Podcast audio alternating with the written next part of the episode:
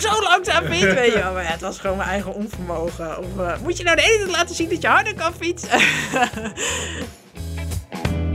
Liefhebbers van de fiets, welkom bij Fiets de Podcast, aflevering 39. Leuk dat je luistert. Edwin en ik zijn onze nopjes, want we zitten in Woerden aan tafel bij de snelste vrouw op twee wielen en bovendien columnist van ons magazine, Ellen Eleonora Maria van Dijk. Geboren op 11 februari 1987, gevormd aan karakter, nuchterheid en bovenal talent en in bezit van een oneindige erelijst. Ook 2022 was een jaar van doorrammen. Het verpulveren van het werelduurrecord. 197 rondjes en 4 meter. Dat is 49 kilometer en 254 meter in 1 uur tijd. Mensen, haal adem en laat het even op je inwerken. Ja, gewone stervelingen zijn wij. Buitenaardse prestaties, daar heeft Ellen patent op, want ook in Down Under was ze fenomenaal. Daarom is ze ook dit seizoen te bewonderen in die o zo mooie regenboogtrui. Maar wat zijn de doelen en dromen van een fietser die bijna alles al heeft gewonnen? Droomt ze al over 27 juli 2024? Hoe bereidt Elle zich voor en blijft ze gemotiveerd? Hoe dealt ze met tegenslagen en wat kunnen wij, gewone fietsers, daarvan leren? Naast Elle zit natuurlijk Edwin Haan en ik, Herman van Tilburg. Veel luisterplezier. We gaan beginnen met aflevering 39 van Fiets de Podcast. Goedemiddag Ellen, Edwin. Hoi. Goedemiddag. Jeetje, wat een mooie intro. Ja, vind je het een mooie intro? heel Nou ja, mooi. Niet meer dan verdiend natuurlijk. Eh, wij zijn, ja, wat ik al zei in ons intro, eh, eh, vereerd dat we bij jou mogen aanschuiven in Woerden. Nou, ik vind het heel leuk dat jullie hier zijn. Bij jou thuis. Ja, ja perfect dat jullie met mij konden komen. ja. Nou ja, hè, we- dat doen we niet iedere dag dat we bij een wereldkampioen eh, met zo'n palmares mogen aanschuiven. En dan ook nog ontvangen worden met taart. Ja, bent, dat, eh, ik eet elke dag taart. Ik ben wereldkampioen mee. Ja. maar je bent natuurlijk... Ja, dat zou ik ook gewoon iedere dag vieren hoor. We zijn Ja. klaar. Ik, Oh, hoop, ik hoop dat de concurrentie ook luistert. Ja. was wel lekkere appeltaart of chocoladetaart. Nou, Als Ja. echte fietser dan kies je natuurlijk voor appeltaart. ja. En eh, je bent natuurlijk volgende week jarig. ja, dat klopt En ja. dan word je 36 jaar oud alweer. 36. Ja, ik Kijk, denk er niet te veel bij na, maar eh, het is toch een aardige leeftijd. Ja. En ehm, toen we daar boven zaten in de woonkamer. eh, we zijn nu weggestopt in de, in de mooie... In de kelder. In de kelder. waar, we, waar we nu aan het opnemen zijn. Viel me eigenlijk direct op dat ik... nou ja, we weten dat je wielrenner bent. Maar als je dat niet zou weten, dan... Het valt bijna niet op, nee, hè? het valt Nee. bijna niet op. Geen, trui aan de muur. Nee, nee, maar goed, ik ben elke dag aan het fietsen. Ik denk elke dag over fietsen na. Ik praat elke dag over fietsen. Op een gegeven moment heb je wel genoeg fietsen in je leven hoor. Dan is het wel fijn als je om je heen kijkt en dan niet nog meer fietsen ziet. Dus eh, nee, ik probeer die balans ook overal een beetje in, eh, in te hebben, ja. Hey, we hebben ehm, een aantal vragen om je wat beter te leren kennen. En ook voor de luisteraars eh, die jou misschien vooral van het fietsen kennen. Ehm, dus eh, je hoeft ze gewoon kort te beantwoorden. Uit wat voor gezin kom je? Ik kom uit een eh, fantastische familie. Eh, twee ouders eh, die gelukkig bij elkaar zijn, wat niet helemaal vanzelfsprekend Nee. is tegenwoordig. En twee oudere broers heb ik. Eh, de oudste is denk ik 41. Toevallig hadden we het daar vanochtend over. Ik vergeet dat altijd. En eh, de middelste is eh 37 dan. Nou, als ik 36 word, wordt hij 38 of 39. Nou, zoiets, weet je. En, eh, ja, die zijn allebei ouder dan ik. En die wonen nog in de buurt. Dus mijn oudste broer woont hier in de straat. En mijn middelste broer woont in Utrecht. Dus eh, ja, die zie ik nog heel regelmatig. Dat vind ik, eh, Sporten jullie nog wel eens samen? Heel soms fiets ik nog wel eens met Nico, mijn oudste broer. Ja. Die, ehm, die is heel fanatiek wielrenner ook geweest. Ehm, maar nu niet meer zo fanatiek. Sorry. Maar hij gaat nog wel altijd, als hij gaat fietsen, gaat hij heel hard. Dus ik heb er ook niet altijd zin in om met Nee. hem te fietsen, moet ik zeggen. Maar hij heeft maar één standje en dat standje is hard. En eh, mijn middelste broer heeft ook wel gefietst, maar die is meer van tennis en volleybal. Dus, ehm, Maar was ja. jij de enige vroeger die dan schaatste? Nee, nee, ik heb eigenlijk al, altijd mijn broers nagedaan. Dus Ja. we zaten alle drie op schaatsen. En eh, toen ik een jaar of tien was, nee, nee, trouwens veel eerder al, toen ik een jaar of vijf was, namen mijn ouders ons mee naar de Nieuwkoopse plassen. Daar komt mijn moeder vandaan, Nieuwkoop, Noorden. En dan gingen we daar toch te schaatsen, soms wel van, van 90 kilometer, toen, terwijl ik nog maar zeven jaar was of zo. Dus dat, ja, dat vond ik echt fantastisch. Dat, eh, Van hoeveel kilometer zijn nou? 90, Zo ja. dan. Dus als, als je heel jong bent, is dat nog echt wel heel ver. Maar, dat- Als je ja. wat ouder bent ook wel. Ja, dat ook nog wel. Ja, ja, helaas kunnen we dat nooit meer doen. Maar toen Maar is eigenlijk al een beetje talent gekweekt voor, voor het kunnen afzien. Ja, nou, ik denk dat ik goede genen heb Ja. en dat ik eh, ook wel een beetje eh, met harde hand soms ben opgevoed. Nou, Ja. hoewel, ik ben wel eh, de jongste thuis natuurlijk. Dus, Beetje eh, ontzien. ik ben heus wel Ja. ontzien. Maar ik heb wel geleerd wat, eh, dat je altijd even moet afzien en even moet doorgaan, ja. hey, wie is je partner? Ja, dat is Benjamin de Bruin, de, de, de ex-podcastmaker Ja. maker van deze podcast. ja. ja, dus ehm, ja, Benjamin en ik zijn nu ongeveer vijf jaar samen. En hij is Het was Benjamin zijn keuze hè, om weg te gaan. Laten we in ieder geval even, voordat er Ja. een misverstand ontstaat. ja. ja, nee, ja, hij, eh, hij maakt nog steeds podcasts, maar eh, verschillende onderwerpen.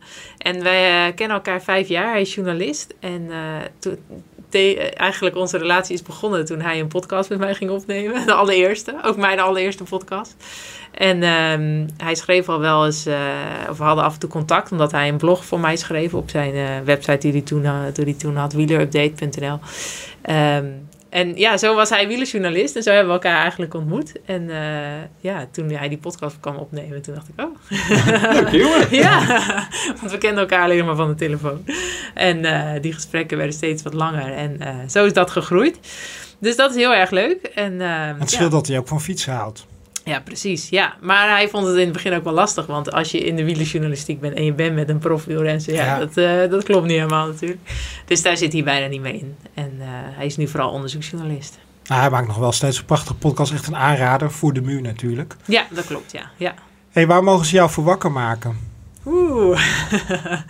Eh, liever niet gewoon. Ik slaap wel heel graag. Maar hoeveel uur slaap je gemiddeld als een Ja, eh, dat, eh, hangt ervan af. Gemiddeld denk ik een uurtje of acht. Maar als ik zwaar train, dan eh, wordt dat vaak minder. Terwijl dat is natuurlijk wel, wel Oh ja. jammer. Want dan Ja. wil je eigenlijk meer slapen. Maar dan wordt mijn lichaam onrustiger en dan slaap ik Lukt gewoon minder gewoon goed. ja. Dus dat is, dat is soms wel lastig op trainingskampen. Dan word ik moeier van het trainen, maar ook van het slechtere slapen. Maar idealiter is het een uurtje of acht. Ook niet al te lang. Geef je inmiddels daar dan aan over dat je weet van, nou ja, dan Ja, op een gegeven moment weet je het. Ja. En dan, eh, ja, dan is het wat het is. En dan eh, ja, hoort dat erbij. En eh, ik probeer wel, eh, ik doe wel van alles natuurlijk. Ik heb ook zo'n slaapmeter. Ja. En eh, ja, s ochtends dan vraagt Benjamin, heb je lekker geslapen? En zeg ik, wacht even. Even kijken of Eerst even kijken. Ja, ja, jij Ja, ik heb dezelfde, Ja, ja. ja. Nou ja, Dus, je gedijt er kennelijk goed op. Ja. Ja, ik, ik hou van cijfers en nummers Ja. en alles bijhouden. Controle. En, eh, ja, heerlijk. Ja, ja. ja. Nee, dus ja, dat, dat is voor mij wel besteed. Hey, ehm, dus eigenlijk moet hij gewoon lekker laten slapen. Oh ja, dat wel, ja. En verder, ja, qua eten bijvoorbeeld hou ik heel erg veel van chocola. Dus dat, eh, dat gaat er bijna altijd wel in. Puur of melk? Eh, ja, puur heb ik mezelf aangeleerd. Ja, dus nu toch wel puur. Ja, ja. Hey, als je geen wielrenner zou zijn, wat was je dan geworden? ja dat is een goede vraag. Wie, eh, ja, Joost mag het weten. Nee, ik heb wel eh, gestudeerd ook. Ja. Bewegingswetenschap gestudeerd.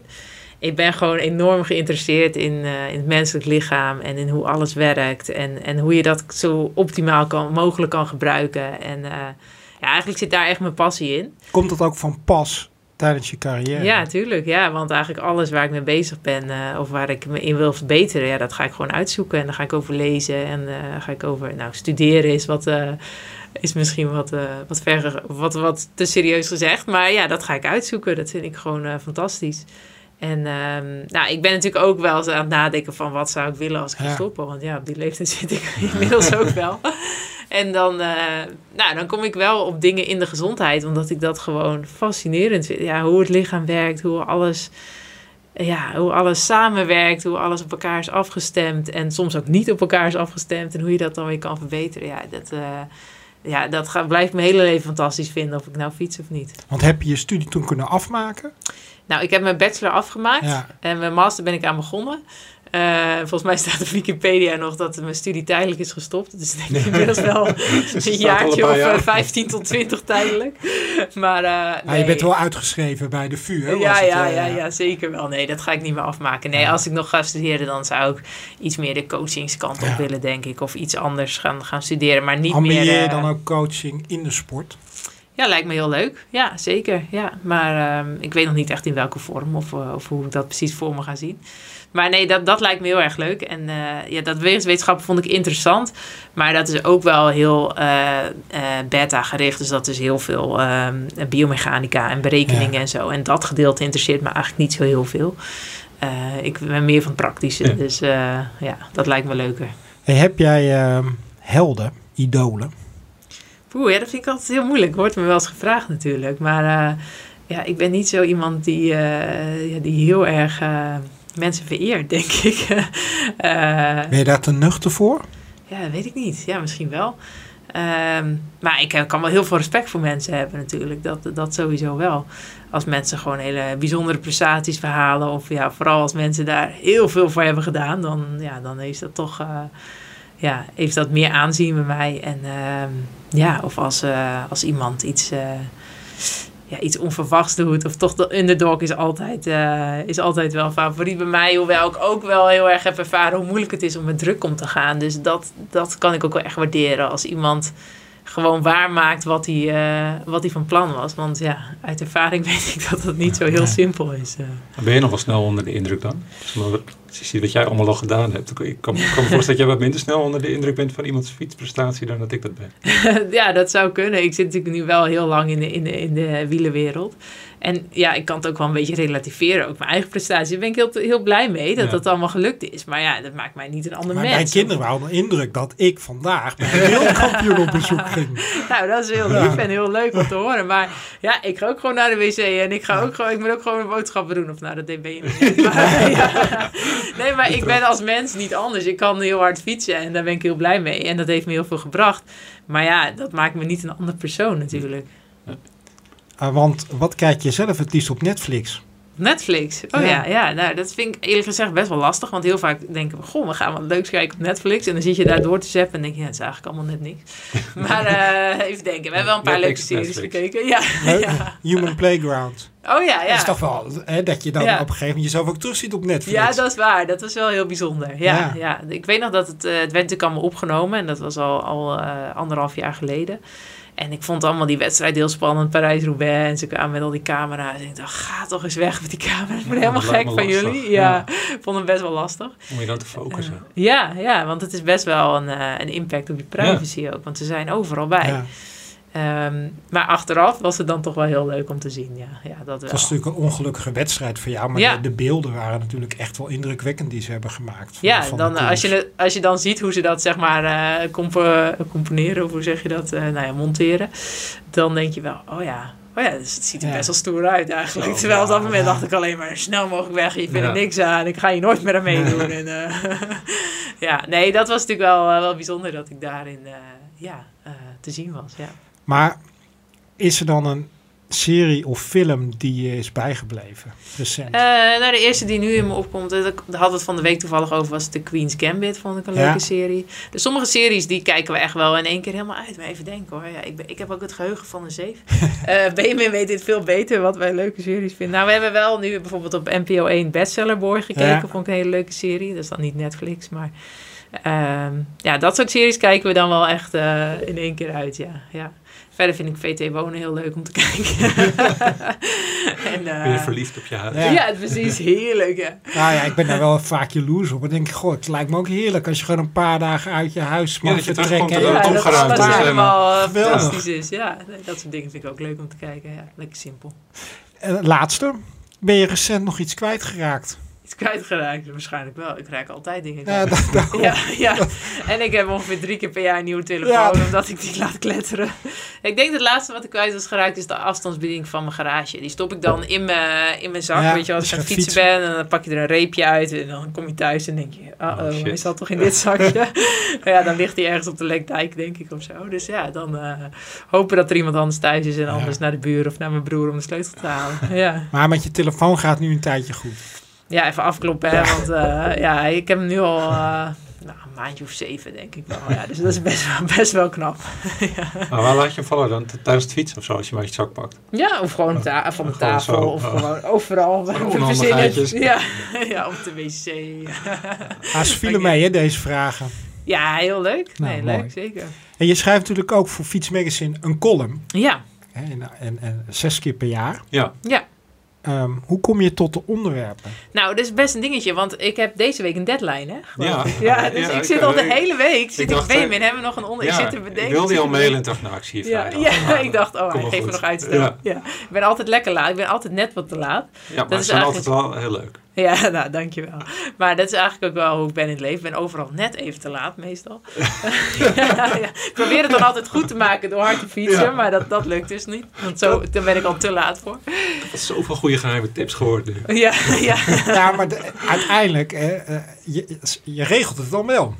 Dus ja, het komt ook goed. Ja, maar het is wel eens lastig voor andere mensen natuurlijk. Als Ja. mensen op mij zitten te wachten, dat, dat vind ik eigenlijk echt niet een hele slechte eigenschap. Maar ja, dat gebeurt toch. En ehm, ja, dus nee, ja, die onderwerpen vind ik soms best lastig. Ja, dan zit ik echt al een week. Te, dan, daarom ben ik ook altijd over die deadline. Dan zie ik, zie ik het altijd op maandag staan dat de deadline deze week is. En denk ik, oh ja, shit. Doe er weer onder. Maar de ja. laatste column, Ja, dat ja, is daar van- kwamen veel positieve reacties op. Ja, het is eh, heel leuk om eigenlijk een column te schrijven over eh, ja, taboes of, mensen, Ja. of, eh, of onderwerpen waar mensen eigenlijk wel echt, waar veel mensen mee struggelen, denk ik. En waar niet veel over gesproken wordt. Dat vind ik eigenlijk Kan je nog leukste. even kort schetsen waar die column over ging? Het ging over eetproblematiek Ja. in, ja, in het wielrennen in dit geval. Maar dat is natuurlijk overal wel een issue. Ehm, maar zeker in onze sport is dat, eh, is dat een heel groot issue. En ehm, ja, ik loop natuurlijk al heel wat jaartjes mee in de, in de profwereld. En ik heb zelf heel veel, eetpro heel veel eetproblemen, maar ik ben er altijd mee bezig. Ja. En ehm, ja, om me heen zie ik ook dat alle andere renners er ook heel erg mee bezig zijn. En je ziet dat bijna iedereen die een lange carrière heeft, dat het daar een beetje in fases gaat. Dus dat sommigen dan opeens heel, heel mager worden en dan opeens weer echt weer aankomen. Of ehm, ja, dan op een gegeven moment denk je, ik moet echt veel minder eten. Of ik ga helemaal geen koolhydraten meer eten of wat dan ook. En dan kom je er toch achter van, ja, dit is niet vol te houden. Of eh, het heeft heel even succes, maar eh, het werkt voor mij niet op langere termijn. En er zijn dus ook echt rensters ehm, ja, die gewoon echt een serieus eetprobleem hebben. En, en dat is gewoon heel, eh, heel schrijnend natuurlijk. En dat is niet alleen in de, in de sport of niet alleen in het wielrennen, dat is overal. Eh, maar het wielrennen is daar wel een echte gevarenzone voor. Ja, omdat ja, het gaat gewoon om wattage per kilogram. Ja, precies. Ja. simpel uit te rekenen. Tenzij je in Nederland fietst, dan maakt het niet uit. dan kan je, ja, dan, eh, dan maakt het helemaal niks uit. Maar eh, ja, als je richting Limburg gaat of verder, dan, eh, ja, dan wordt het gewoon een enorm Het is natuurlijk zo belangrijk topic. verweven in deze sport. Hè? Ja. Als we gewoon even inzoomen op wielrennen. Continu die focus en bezig zijn met gewicht, met voeding. En helemaal vandaag de dag. Het, het is, het is, on- ja, je kan er fulltime mee bezig zijn. Ja, en als je buiten het seizoen je even laat gaan, Ja. dan denk ik. Ja, dat- dan wordt het heel je Wat er lastig. helemaal Ja. bij komt, dan ben je weer. eh, Ja, flink ben je weer lang mee bezig ja. om het eraf te krijgen. En het is ook nog, eh, het, is, het is ook gewoon een, een hot item. Het, het, het hoort ook gewoon bij je vak. Hè? Dus Ja. ik vind ook, ja, het is logisch. Je kan niet zeggen van, oh, maar daar hoef je niet mee bezig te zijn. Nee, het is iets, een, heel Ja. onder- een heel belangrijk onderdeel van je vak. Dus je moet daar serieus mee bezig zijn. Maar er ligt wel een gevaar op de, op de loer dat het, eh, dat het too much wordt. En eh, ja, wat ik heel erg merk is dat er ook echt ge- geoordeeld wordt in het wielrennen Ja. over hoe iemand eruit ziet heel erg. Dus, eh, Waar merk jij dat aan? nou ja, van goh, die staat straks, zo, die zou goed zijn. Of, eh, of zo, nou, die heeft in de bakkerij geslapen Ja, deze ja, winter. ja, ja. Of, ja, nou, dat soort dingen wordt er wel gezegd natuurlijk. En, en dat is ook logisch, want ook dat hoort weer Ja. bij het vak. Maar er wordt heel snel, er wordt echt gewoon naar anderen gekeken Ja. van... ja, Dan hoe staat dan- die erbij? Ja. En eh, ja, Nu jij dat zo zegt, bedenk ik me eigenlijk dat volgens mij, bij mannen hoor ik dat heel veel. Hè? Van, eh, die staat strak. ja, Maar eigenlijk commentaar over te, te zwaar zijn hoor ik alleen over vrouwelijke Ja, wielrenners. dat Heb jij dat ook wel eens gemerkt? Nou, het is wel veel meer, denk Ja, ik. En ik denk ook wel, kijk, vrouwen hebben gewoon van nature een hoger vetpercentage. Dus het is, eh, sommige vrouwen staan misschien heel scherp, maar dan zie je het nog ineens heel erg. Ja. Bij sommigen wel, maar ehm, dat percentage is kleiner natuurlijk. En het valt wel eerder op, denk ik. Kijk, vrouwen hebben van nature gewoon al wat, wat meer vet en wat meer reserves. Ehm, dus ja, dat, dat is sowieso aan de hand. En eh, maar bij mannen hoor je het heel soms ook wel eens, maar is het toch eh, minder een onderwerp, denk ik. Heb je daar ook gesprek over met bijvoorbeeld eh, jongere collega's hè, die, die net beginnen in, in, in, met profiel, eh, die, die in het profpeloton terechtkomen, Ja, die bij ja. jou in de ploeg eh, zitten? Ja, precies. Ja, eigenlijk wel. Ja, toevallig afgelopen trainingskamp. Ja, ik vind het heel belangrijk. Vaak beginnen ze er zelf al over, omdat het ook voor hun al een issue is natuurlijk. Ehm, en ik vind het ook heel belangrijk om het erover te hebben. Want ja, ook daarbij ligt het gevaar heel erg op de loer. Dat ze denken, oh, ik wil nu beter worden. Ja. Ik ga minder eten of ik ga het helemaal anders doen. Of, eh, ja, en de balans is toch altijd het allerbelangrijkste. Weet ik al uit eh, over de jaren heen.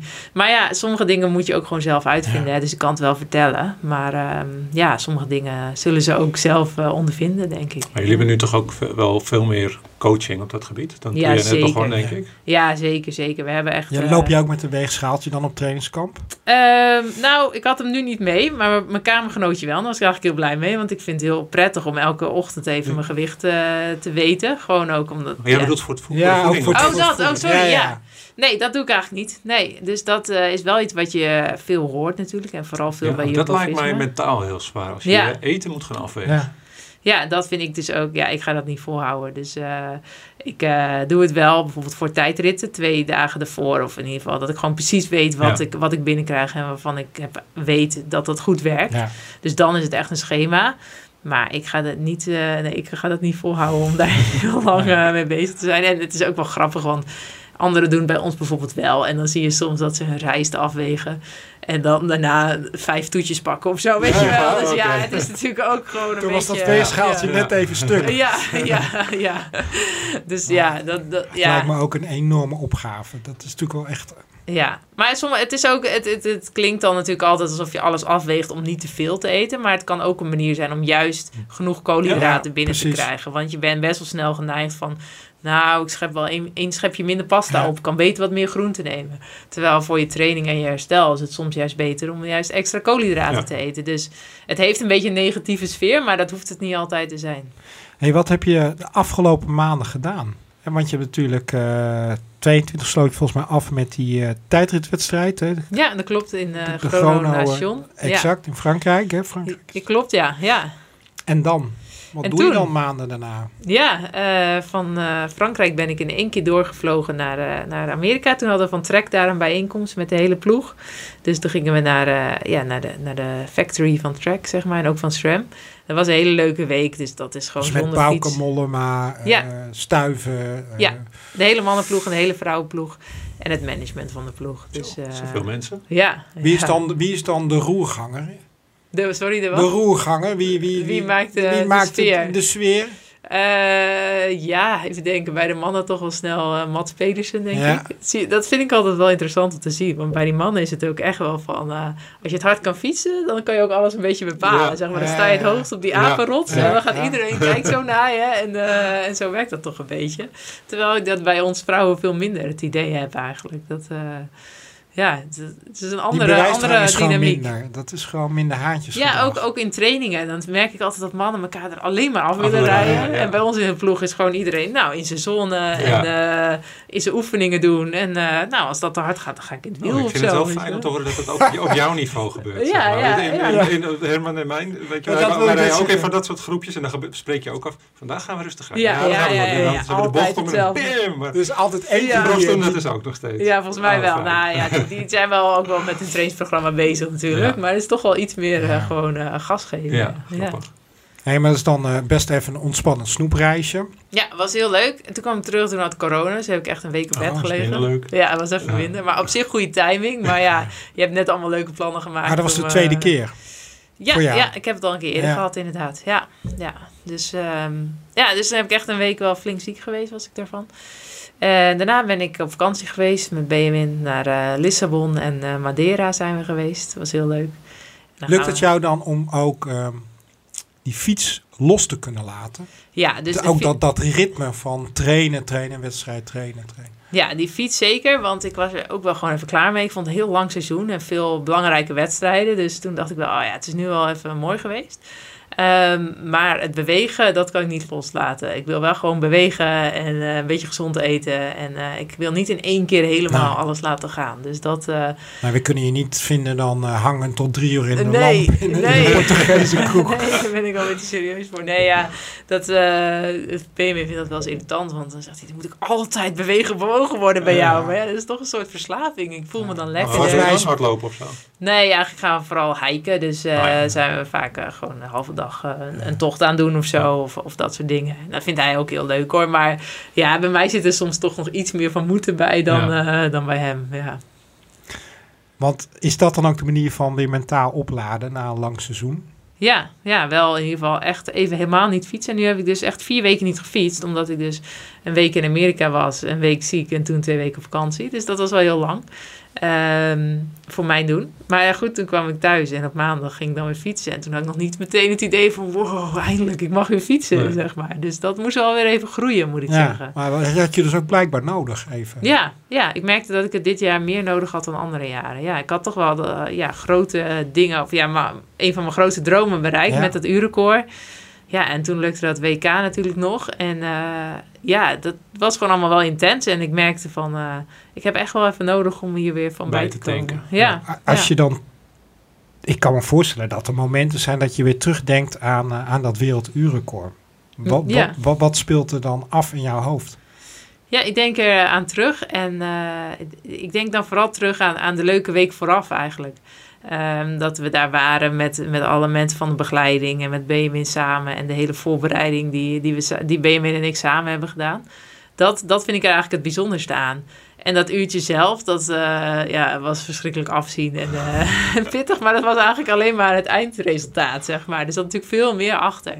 Dus ik denk vooral aan alle leuke ervaringen die ik daarin eh, heb opgedaan eigenlijk, ja. Waar versterken jij je partner dan, dan elkaar in zo'n week?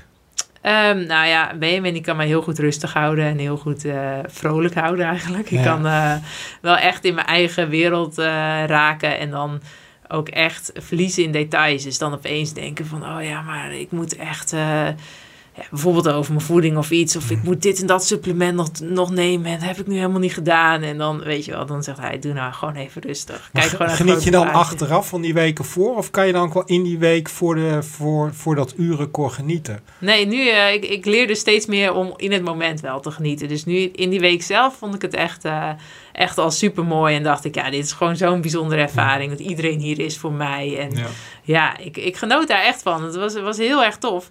Ehm, nou ja, tot wel eh, een kwartier voor dat uur. Toen dacht ik opeens wel, ja shit, iedereen is hier wel. Voor mij is het wel Ja, heel leuk. Maar nu moet ik het wel gaan doen ook, ja. Dus ja, natuurlijk bracht het ook wel druk mee. Maar ehm, nee, het was een hele fijne sfeer. En iedereen vond het super tof om daar te zijn ook. Iedereen vond het een heel gaaf project om te doen. Dus dat, dat zorgt ook wel dat het gewoon... eh, ja, dat je een hele fijne sfeer hebt. En dat, dat het eh, heel positief is allemaal. Maar het, hiervoor hadden we het even over jouw werelduurrecord. Met, eh, toen we op de redactie waren vanochtend. Toen zei, ik zei een beetje gekscherend, ja, het is ook maar een uurtje afzien. Ja, ja. en toen zei ja. eh, collega Michael, die zegt, het is gewoon een uur met je vinger tussen de deuren. Ik, Ja, ik zeg, ja, ja, dat, ja, eh, ja, En die ja. deur uitdrukking, ja. die deur is ook heel Ja. hard. Auw, auw, auw, Aanduwen. auw, een uur lang, ja. Ja, nee. en dat- is een uur eigenlijk heel lang. Ja, nou, het, ja, het duurt wel heel lang in je hoofd. Kijk, tijd is relatief. Hè. Kijk, eh, vijf minuten kan lang duren. Ja. eh, Een uur kan lang duren. Ja. 24 uur. Ja, Maar dat, ik, hoor, ik, ik hoorde in een andere podcast dat Benjamin wel met dat fluitje moest ophouden. Ja, nou inderdaad, eh, mijn trainer eigenlijk. Want ehm, we hadden iets bedacht om... eh, ik moet mijn rondetijden, wil ik weten. Eh, maar ik kon niks zien. Ik zag alleen maar eh, mijn voorwiel en een zwarte lijn. Dus ik zag echt helemaal niks. Eh, dus eerst wilde hij rondeborden doen, maar dat werkte gewoon niet. En toen had ik bedacht dat hij dan een fluitje op een fluitje zou blazen. En als ik dan moest versnellen, zou hij twee keer kort fluiten. En als ik moest vertragen, zou hij doen. Dus dan zou ik wat langzamer kunnen. Dus dat probeerden we in trainingen. Maar op een gegeven moment was elk rondje... Fuut, fuut, fuut, fuut. Super En ik dacht, eh, ja, dus op een gegeven moment. En Ja. Benjamin die stond ook met eh, mijn verzorgster Gerieke. Die is ook Nederlands. En die stonden aan de ene kant van de baan. En mijn trainer stond aan de andere kant van de baan. En ik kwam langs eh rijden. En ik zei, zorg dat hij zijn bek houdt. met die kutfluit." en dus toen zei ze even naar hem toe gelopen. Jozu, Het is wel goed eh, zo. stop maar even met de fluit. Want het vindt ze niet zo fijn. ja. ja, nee, daar ben ik een beetje gek van. Ja. En dan, eh, ja, eigenlijk een hele grote kers op de, op de taart. Is, of de kers op de slagroom, hè, is dan dat je ook weer wereldkampioen wordt in. Wollongong. Ja, zoiets. Wollongong. Ja, ja, Down Under, Australië. ja. Ehm, dat was een hele gekke week. Want dan, dat begint met die, eh, met die eh, mixed relay. Ja, nou de tijdrit was voor de mixed Maar die relay. was voor ja. de mixed relay. Maar het vond wel een heel vreemd wereldkampioenschap. Ja. Ja. helemaal aan de andere kant van de wereld natuurlijk. En eh, ja, gewoon een verre reis. Je moest veel regelen ervoor. eh, vier fietsen mee. Ehm, ja, het parcours was ver van ons hotel. Best dus- sfeerloos vond ik het. Heel verschrikkelijk Ja. sfeerloos. Ja. er waren natuurlijk ook helemaal geen fans uit nee, Nederland. nee. Helemaal geen bekenden. Eh, maar volgens mij liep ook de omgeving eh, ook niet echt Nee, warm, eh. fietsen daar was echt totaal. Het leefde niet. Eh, het was moeilijk om daar te trainen, want alle wegen waren, waren druk en nergens fietspaden. Ja, dus ja, hier- totaal geen WK-sfeer eigenlijk. En, eh, nou, ik, ik, we hadden dan een, een huis geregeld in de buurt van het parcours van de, van de tijdrit. Omdat ja, ik het gewoon super belangrijk vond om dat parcours honderdduizend keer te rijden Ja. met alle bochten die erin zaten. Alleen het parcours was midden in de stad, dus we- ik heb het wel heel vaak gereden. Alleen je stond telkens weer voor een stoplicht en weer optrekken. En je kon nooit, Nooit je efforts doen, nee. zeg maar. Nee. Dus dat was alsnog wel een beetje behelpen, maar dat hielp me wel. Ehm, ja, en toen heb ik daar samen met Annemiek een week in een huis gezeten. Dus dat is op zich ook al best gek natuurlijk dat je met je concurrent... eh, Ja. dat, Maar dat huis hadden jullie zelf eh. geregeld of werd dat dan door de KWU geregeld? Nou, ik had het zelf geregeld, maar de KNWU heeft het betaald. Dus die hebben daar helemaal, zijn er helemaal akkoord mee gegaan. En die zorgden ook dat er alle boodschappen er kwamen. En er kwam elke dag een verzorger. Dus dat hebben ze heel goed, eh, heel goed gedaan. Eh, maar ik heb het er wel doorgedrukt dat we dat, we dat huis Ja. wilden. Want ik zei, ja, anders ga ik het zelf wel doen. Maar, Hadden ze dat huis nou ook maar voor die ander geregeld? Ja, welke ander? De Mathieu. Mathieu ja, van de- inderdaad. Ja, ja, ja, ja, inderdaad, ja. Nee, dat was weer een week later alweer. Nee, maar er gebeurde heel veel, ja. Want toen, na die tijd, hebben we natuurlijk die mixed relay Ja, gedaan. ja. Nou, en dat... eh, Hoe Ja. dat met Annemiek dan? Je, dat, doe je, dat komt niet vaak voor, dat je een week Dat we je samen een in beetje... de, nou, nee. Vroeger zijn wij echt wel samen op trainingskamp gegaan Ah, en zo. oké. Gewoon zelf. eh, Dus we kennen elkaar heel Ja. goed.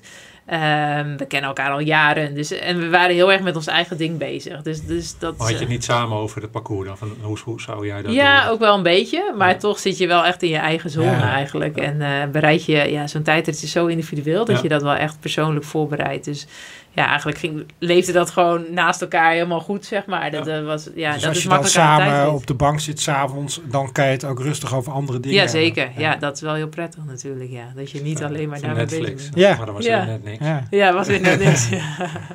En want hoe kijk je dan terug op die wereldtitel? Want het was natuurlijk prachtig na Brugge ja, opnieuw raak. Ja, ehm, ja, ik moet heel eerlijk zeggen, dan zeg je zo'n intro van de snelste vrouw eh, ter wereld. En denk ik, wauw, dat klinkt wel heel tof. denk ik, dat, is, Nou ja, veel, dat is veel te veel eer, denk ik dan. Nou ja, nee, is is maar dan denk je, oh ja, maar als je dan de, de, de specifieke prestaties naast elkaar legt, dan, eh, ja, dan snap ik dat mensen dat zeggen. Dus dat, ja, het voelde wel echt als een bevestiging van, wauw, ik ben echt nog steeds de beste. Ja. Of, ja, en ik ging er gewoon totaal in zonder die verwachting eigenlijk. Dus daardoor was het wel een verrassing. En ook, ehm, ja, het parcours lag me niet per se. Dat van Brugge, daar heb ik zo lang over gedaan om nog een keer wereldkampioen te worden. En ik dacht, ja, maar dit is ook het uitgelezen parcours voor mij. En alles zat mee. En, Ja, dat het was, gewoon eh, fantastisch. recht toe, recht ja, aan. Ja, ja. Dus, eh, dus dat lag me heel erg. Dit was op en neer en links en rechts. En, en totaal uh, ijzerritme de hele tijd. Ehm, maar dat ik het dan een jaar daarna dus ja, nog een keer leuk... terwijl ik er daar- daarvoor acht jaar mee heb gestruggeld... om nog een keer wereldkampioen te worden... dacht ik wel, wauw, eh, ja, hoezo gaat dit opeens zo makkelijk, Ja, zeg maar. Ja, zo, zo, Maar zo. waar, waar, waar zit dan de sleutel van, van succes qua het mentaal kunnen opladen als je heel traject naar dat werelduurrecord, Ja, hè, dat haal je dan. ja. Ja, en dan? En dan moet je je weer zien prepareren op te laden richting zo'n WK. Nou, om heel eerlijk te zijn, had ik er ook niet heel veel zin in. Nee, nee ik had dat werelduurrecord gehaald. Dat was mijn grote doel. En toen dacht ik, oh ja, dat Ja. WK in Australië nog, weet je wel. En ook, daar komt ook gewoon bij kijken dat ik natuurlijk eh, regerend wereldkampioen was. En dacht, ja, eh daar komt best wel weer druk bij kijken. Ik kon bijna alleen maar verliezen. Ja, Ja. ja. dus eh, ik had er totaal geen zin. Helemaal daarheen en gedoe allemaal. En eh, nou ja, tot, tot een week voor die tijd dat stond ik er nog steeds niet echt om te springen. Maar ik heb me natuurlijk wel zo goed mogelijk voorbereid. Dus ik heb wel eh kaart voor getraind en, eh, en heel specifiek die weg daar uit, naartoe uitgestippeld. En ook vooral specifiek bijgesteld. Want eh, ja, na dat werelduurrecord was ik eigenlijk meteen weer doorgegaan. Was ik weer naar Engeland voor, met de ploeg om, eh, om daar te rijden. Ehm, vervolgens ging ik op trainingskamp in Zwitserland met Benjamin. En eh, merkte ik van eigenlijk gaat het nu gewoon helemaal niet. En ik dacht, hoe kan dat nou? En hoezo? En ik moet juist nu weer hard trainen voor de tour wat er weer aankomt. En ja, Benjamin die zei natuurlijk alleen maar, het is hartstikke logisch na Ja, je even- en zo. op.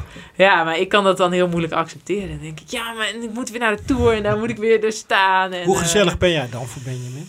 ja, dat kun je beetje aan hem Nou, dat vragen. nou, er- we hebben echt wel even ruzie gehad af en toe, Ja. ja. Want hij was in die periode zichzelf aan het voorbereiden op zijn record. Ja. Voor hij ging eh, 24, of, eh, in 24 uur acht landen eh befietsen. Had hij een route gemaakt. En daarmee is hij in het Guinness Book Ja, dat is ook een bijzondere prestatie natuurlijk. ja, ja, dus hij was echt ook wel fanatiek bezig in die periode. En hij ging opeens harder fietsen dan ik. en dat vond ik ook serieus wel lastig.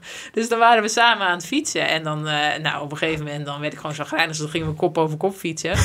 maar dan ging ik niet alleen kop over kop, maar dan, dan was ik op kop aan het fietsen. En dan ging hij mij inhalen zonder dat ik een armpje had gegeven ja. van haal me maar in, Oh, ja, weet je wel. van, Ellen, eh, Ja, wat is en aan de hand? ja, dus dat ik echt zo zei, vind je dat ik nou zo langzaam fiets? Weet je wel? Maar ja, het was gewoon mijn eigen onvermogen. Of, eh, moet je nou de tijd laten zien dat je harder kan fietsen? Grappig. ja, en dat is voor het eerst, dat was een van de eerste keren dat de rollen waren omgedraaid. Dus eh, ja, voor hem eh, was dat ook wel eens lekker natuurlijk. Maar, Goede motivatieprikkel door richting, richting Ja. het WK was ja, dat. precies, Ja, ja. dat had Ja, ook anders uit kunnen Ja. pakken natuurlijk. Ja. Zelfs dan denk je, ja, ik word hier gewoon door een amateur gelost, joh. ja precies. Ja, Of, of eh, serieuze relatieproblemen. ja, nou ja, we hebben wel voor Ja, staan, denk allemaal ik. goed maar, eh, afgelopen. ja, ja. Hey, ehm, 23. Vorig jaar was ook een heel lang jaar. ja. Wat zijn jouw plannen? Ja, ik eh, ehm, wil gewoon weer heel graag goed zijn in het voorjaar. Dus eh, Parijs-Roubaix heb ik het eerste jaar eh, de nachtmerries van Vervloekt gekregen. drie keer ja, gevallen, maar wel uitgereden. ja, ja. Eigenlijk belachelijk, toch? Nou ja, niet verstandig vooral, maar goed. Ehm, tweede jaar, vorig jaar, vond ik het eigenlijk echt een fantastische wedstrijd. Dus toen ging het ook heel goed. Helaas had ik zelf een lekker band op een slecht moment, waardoor ik heel lang moest achtervolgen. Maar ik voelde me heel goed en eh, ja, mijn ploeggenootje won net als het Ja. jaar daarvoor. Alleen toen had ik echt het idee, ik heb hier niks aan bijgedragen. En dit was Nee, totaal... maar ze reed natuurlijk ook vrij snel weg. Ja, precies. Dus ik had er ook echt niks aan bijgedragen. en dit jaar had ik wel zoiets van, oh ja, ik heb hier ook echt wel wat aan bijgedragen. En eh, ja, nu vond ik het fantastisch. Dus het is ook wel, ik merkte wel dat het een koers is die me echt wel kan liggen. Ehm, ja, je moet geen pech hebben, maar dat weet je bij die koers. Dus ja, dat, eh, daar hoop Maar ik de haat is wat omgeslagen naar voorzichtige ja, liefde. ja, maar ik moet wel zeggen, als het regent, dan weet ik niet of ik ga starten. Nee. Als het weer regent, dan eh Ja, misschien vorig jaar was het prachtig weer volgens mij. Hè? Was het, was Ja. het, was het, Ja, helemaal droog. Ja. Ja. En ik mag ook stoppig niet, weer. Ja. Ja, precies. En ik mag ook niet meer starten van BMN als het regent. Maar ik denk dat ik daar ook wel oké mee Ja. ben. Dus, eh, dus dat is wel een dingetje. Ja, het is van loterijen dan, hè. Ja. Het is, Ja, ja. Maar ja, het heeft wel een plekje in mijn hart veroverd nu, die wedstrijd. Dus eh, in die maand april wil ik heel graag heel goed zijn. En dan... eh, Ronde, ja, Roubaix. precies. Ja, dwars door Vlaanderen. ja, dat vind ik toch de mooiste koers. Ja, ja. En dan ehm, is daarna, is in de Tour is dit jaar een, een tijdrit. Ja, Dat de laatste etappe. Ja, precies. Dus daar ben ik heel blij mee. Die is op 30 juli. Ja, Ja. daar heb je allemaal... De start en finish in Po. Ja. hoe lang ja. is hij? 22. 22 jaar. Golf naar jouw hand. Nou ja, kijk, het eh, enige voordeel wat ik heb is natuurlijk dat ik eh, niet van klassement ga. Dus dat Ja. ik in de, nou ja, die, die klimetappes zijn voor mij al zwaar zat als, ik, Ja. als ik niet maximaal hoef te gaan. Maar ja, ik hoef me niet helemaal eh, leeg te rijden daar. Ehm, nee, ja, dus dat, zou ik, eh, dat vind ik een heel mooi doel. En, en niet veel later is het WK alweer natuurlijk. Dus dat is Schotland, heel kort hè? op elkaar. Ja. Dus ja, die Tour, dat vond ik vorig jaar een fantastisch spektakel. En heel mooi om mee te maken. Eindelijk ook Ja. eh, de aandacht voor Ja. het vrouwenwielrennen. Ja, nou, het was wel echt. eh, ik had niet verwacht dat ik het zo tof zou, zou vinden. Ik was een beetje sceptisch van tevoren, maar het was echt een belevenis. Het was echt heel, heel gaaf om zoveel aandacht voor het vrouwenwielrennen te hebben. Ja, dus dat, daar heb ik echt van genoten. En eh, daarom heb ik er dit jaar ook weer zin in. Maar tegelijkertijd zijn er ook heel veel valpartijen. Is het heel nerveus. En dat, eh, dat is wel lastig komt Zeker dat? een week voor het WK natuurlijk. Ehm, ja, omdat toch de belangen groter zijn. Ja. Iedereen wil zich laten zien. Eh, er wordt ook echt harder gereden. Dat ik echt dacht, maar hoezo kan opeens iedereen harder trappen? Ja. Waar, waar- Ja. Waarom? Hoe kan dat nou? Nou, en, nou, en- en waarom is dat? Ja ik denk omdat, ze dat, omdat de hele wereld mee kan Ja. kijken. Dus Ja, dat je dat kan dan in toch, principe, als je eh, daar goed doet, dan eh, weet je dat je volgend Ja. jaar weer een contract hebt, denk ik. Ja, ja, het is En het de- niveau is natuurlijk in de breedte ook behoorlijk eh, omhoog Ja, ook dat. Ja, ja, zeker. Ja. En eindelijk eh, kunnen nu de meesten ook eh, een boterham, hè, een volwaardige boterham Ja, nou, er is natuurlijk heel veel eh, vooruitgang in Ja. dat er nu een minimum salaris is voor, voor de rensters. Dus eigenlijk iedereen die in een eh World Tour team zit, die kan er professioneel van leven. En dat, dat is natuurlijk een, eh, een hele belangrijke stap. Hoe is dat bij Trek nu geregeld? Hoe zijn die verschillen tussen de mannen en de vrouwen? Eh, ja, nog steeds enorm. Dus natuurlijk, eh, kijk, de mannen, de topmannen verdienen miljoenen. Ja. Ik, eh, ik weet niet wat ze precies verdienen. Maar eh, ja, dat is bij ons natuurlijk niet aan de orde. Je hebt Dus, nog niet eh, overwogen om eh, naast Bouke in Monaco te gaan wonen. Nee, nee, dat is voor mij nog niet, eh, nog niet, hoe zeg je dat, rendabel, denk ik. Maar eh, Nee, ja, dus, dus dat, is, dat is nog een enorm verschil tussen de top. Maar goed, het is wel heel fijn dat dus iedereen heeft echt de, de basisvoorwaarden om alles voor zijn sport te kunnen doen. En, en trek is voor het vrouwenwielrennen echt fantastisch. Echt wel een van de voorlopers, voortrekkers eigenlijk uh, van, van het vrouwenwielrennen. Ja. Ook als je ziet uh, hoe groot jullie ploeg is qua begeleiding, qua staf. Ja, we hebben echt niks te klagen. Dus in de ploeg wordt, wordt echt alles voor ons gelijk getrokken met, met de mannen. Wij hebben niets wat, of de mannen hebben niets wat wij niet nee. hebben, zeg maar. Dus dat, uh, dat is echt fantastisch. Uh, ik ben enorm blij met mijn ploeg. Uh, en, ja, en dat die salarissen nog niet gelijk lopen, ja, dat is ook iets van het hele vrouwenwielrennen ja. natuurlijk. Ik denk niet eens per se van Trek, want ik denk dat die daar nog wel voor open zouden staan. Nou ja, weet ik niet of ze zoveel zouden willen betalen. Maar ja, dat is gewoon iets wat ook in de sport nog moet groeien natuurlijk. En uh, ja, dus de minimumsalarissen, die, die lopen al aardig gelijk, maar de topsalarissen uh, verder van. Ja. ja, dat kan alleen maar beter. En ik denk zo'n Tour de, Tour de France Femme, dat helpt natuurlijk enorm bij die aandacht. Ja, maar ook, meer exposure die precies. krijgen, hoe meer ze inzien dat, dat het geld waard is. Heel rolmodellen. Ja. ja, zeker. Ja. En, en die plannen, met wie maak jij die? Maak je die met Benjamin? Maak je die samen met je trainer, jo, Yusu? Ja. Las, Larrazabal? Ja, moeilijke naam. Ja, ja. Hoe spreek ik het goed? Josu Larrazabal, ja. ja. uit uh, Baskeland uh, ah. in Spanje, ja. Uh, ja, daarmee onder andere, maar ook met Benjamin. En ja, in eerste instantie kijk ik gewoon naar een kalender en denk ik, ja, wat vind ik tof? En wat, ja, waar gaat mijn hart sneller van kloppen? Want dat is het belangrijkste. Um, en dan ga ik ermee naar Ina Jogo Teutenberg, ja. de ploegleidster. En meestal is het niet echt rocket science. Ik bedoel, ja, je weet een beetje... Dus jij bent wel in de lead. Jij bent als eerste die komt met... Nou, zo ziet mijn ideale kalender eruit. Ja, maar het is wel zo dat Ina die maakt ook gewoon een opzet voor het hele jaar, ja. zeg maar. Samen met Jozu ook dan. Um, van, ja, de, wat, ja, ik kan ook wel zeggen van ik wil eigenlijk het liefst alleen het WK, het EK, uh, de Roubaix en, en de Tour rijden. Maar ja, ik heb ook gewoon een contract, dus ik moet natuurlijk ook wel gewoon wedstrijden rijden. Ja, moet je ook klein starten in... Uh, zoals vorig jaar begon je in Spanje, toch? Ja, in Valencia. Dat was wel een mooie sprintzegen. Ja, ja, vond ik een hele leuke tour. Ja, zeker. Ja. Nou, dit jaar ga ik daar uh, niet starten. Uh, begin ik in uh, het nieuwsblad. In principe. Dus, maar ik vind dat, dat soort Ik vind het ook leuk om te koersen. Het is niet dat ik het niet wil. Nee. maar sommige koersen vind ik wel gewoon minder leuk dan andere koersen. Ja, dat, als het een massasprint wordt, ja, dan ja, dan heb ik daar weinig motivatie voor. En dan vind ik het alsnog heel leuk om een goede lead-out te doen en, en voor de sprinten te werken. doe ik ook met veel plezier, alleen uh, ja, haal ik daar niet alleen maar mijn voldoening uit. Wat is de rol van, uh, van, van, jouw trainer? Ja, mijn trainer is wel heel belangrijk voor mij. Die um, uh, heeft, kijk, kijk, een trainingsschema is altijd belangrijk. Maar hij heeft vooral heel, we hebben heel veel contact. Dus elke dag bijna wel berichtjes via WhatsApp van die spraakberichten. Uh, waarin hij echt wil weten hoe ik me voel en hoe het gaat. En um, dat is wel leuk. Benjamin... Gaat het in het Engels? Ja, altijd in het Engels. Ja. En Benjamin heeft nu ook... Ja, ik kan me voorstellen dat jij misschien ook inmiddels Spaans hebt. Nee, geen woord. Nee, muy bien. Dan houdt het op. Nee. nee, helaas. Maar wat wel grappig is, is dat Benjamin eigenlijk ook best veel contact met hem heeft. Omdat um, ja, Benjamin ziet mij elke dag als ik thuis ben. En hij ziet mij nooit. Dus uh, ja, hij schrijft schema's en dan vraagt hij hoe gaat. En dan zeg ja, gaat prima en ik kan nog wel iets meer. Het is en, niet uh, dat jij een jaarlijks edentje met hem hebt, zoals uh, Annemiek van Vleuten met haar trainen en dan het nieuwe en een nieuwe jaarprogramma samen. Nee, zo werkt het niet. Nou, ik zie hem wel op trainingskampen natuurlijk, maar niet. Ja, hij woont in Spanje, ja. dus het is niet zo dat we buiten het seizoen zo'n zo'n zo'n date hebben, zeg maar. Nee, maar natuurlijk hebben we wel dat soort momenten dat we samen zitten, alleen niet op die manier. Maar jij zegt dan, het kan er wel wat bij en dan vraagt hij aan Benjamin...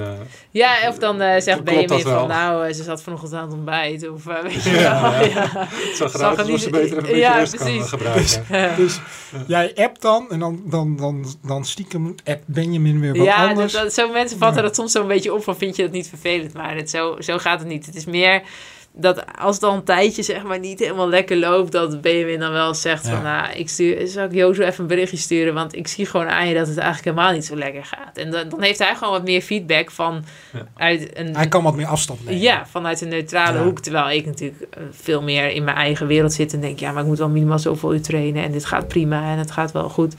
Terwijl Benjamin dan zegt, nou, zo goed gaat het niet. ja. ja, en dat is voor mij heel waardevol, dat zij zo'n goede relatie hebben. En zij hebben ook samen helemaal dat urenkoor eigenlijk Ja. eh, met mij voorbereid. Dus eh, ja, Benjamin stond al langs de baan. En eh mijn trainer was er dan virtueel bij. Dus die had, kreeg alle rondetijden door. En eh, die hadden dan continu feedback met elkaar. En eh, ja, daarin zijn ze nog meer naar elkaar toegegroeid eigenlijk. Dus dat is een heel, heel bijzondere Leuk, band ja. eigenlijk ook. Ja. En je bent 35, hè? Ehm, Oh ja, nog wel. Ja, Ja. ja, Nog even. ja, ja. Zeker. Maar hoe zorg jij ervoor dat je fysiek in orde blijft? Ja, En want dat is voor ons als fietsers, hè, ook, hè, wij zijn natuurlijk alweer een stukje ouder, wij zijn verre Ik van, ben het omgekeerde. ja, eh, eh, verre van, eh, van jouw niveau, maar hè, wij dealen er natuurlijk ook steeds meer met fysieke ongemakjes. Ja, eh, nou goed, kijk, trainen blijft in principe allemaal hetzelfde. Maar ehm, het is wel zo dat het steeds belangrijker wordt om, om gewoon algeheel fit te zijn. Dus eh, ook hoe langer ik fiets eigenlijk, hoe meer mijn lichaam vergroeid is naar die fiets. Dus eh, ja, hoe meer ik soms gewoon last krijg van mijn schouders, omdat die gewoon eh, voorover staan, zeg maar. En mijn rug is altijd een lastig, eh lastig ding. Tijdrit is dan natuurlijk, die tijdritfiets is dan Ja. helemaal een martelwerk. Ja, ja, op zich wel. Ja, die kan echt. eh, ik heb echt eh, een paar jaar gehad waarin ik echt eh, zat te worstelen om, Ja. om, om überhaupt een half uur op die fiets Ja. te kunnen rijden of te kunnen trainen. Maar nu zit ik er wel echt goed op en dat is wel een groot verschil. Maar de ene dag alsnog heb ik dan heel veel last van mijn linkerbil en de andere Ja. dag van mijn rechter schouder. Oh ja, en, eh, ja. ja, eh, bij ons op trainingskampen zeggen ze altijd van ja, eh, jullie zijn wielrenners, maar jullie zijn geen atleten. Weet je, als, als wielrenner ben je heel eenzijdig ontwikkeld.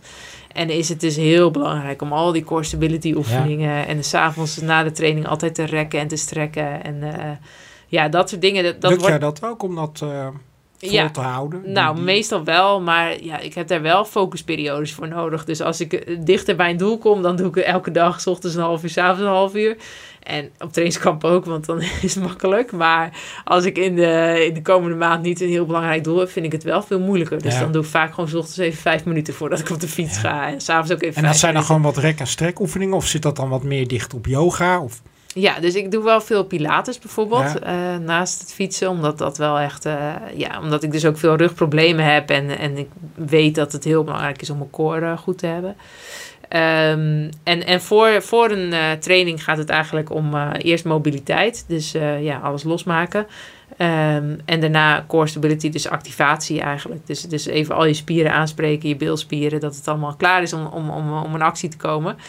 En, en vooral na het fietsen is het dus heel belangrijk om alles weer te mobiliseren. En eh, ja, ook om, om bijvoorbeeld als je de hele dag voorover gebogen zit op je fiets, om dan weer even alle tegenovergestelde bewegingen te doen. Want ja, anders dan blijf je in die fietshouding, eh, slaap je er nog in, zeg maar. Dus, dus ja, dat merk ik dat dat steeds belangrijker wordt om je lichaam echt te onderhouden, ja. want hoeveel uur eh, train jij gemiddeld hier in, in Woerden? Als je gaat kijken. Ehm, ja, in zo'n voorbereidingsweek eh 20, 25 uur of zo. Zoiets denk ik. Ja, en op trainingskamp loopt het op tot 25, 30 uur. Dat soort dingen. Ja, dat is een beetje de... Komen wij aan met onze 8 tot 10 uur? Ja, maar jullie hebben nog andere dingen te doen. ja. Kijk, Ja, ja, ja, dat is even heel wat anders. Nee, ja, en, en daarnaast dan inderdaad nog dat, dat soort dingen als die, die oefeningen en zo. Dat soort eh gesnor. Train jij in je, in je wereldkampioenstrui?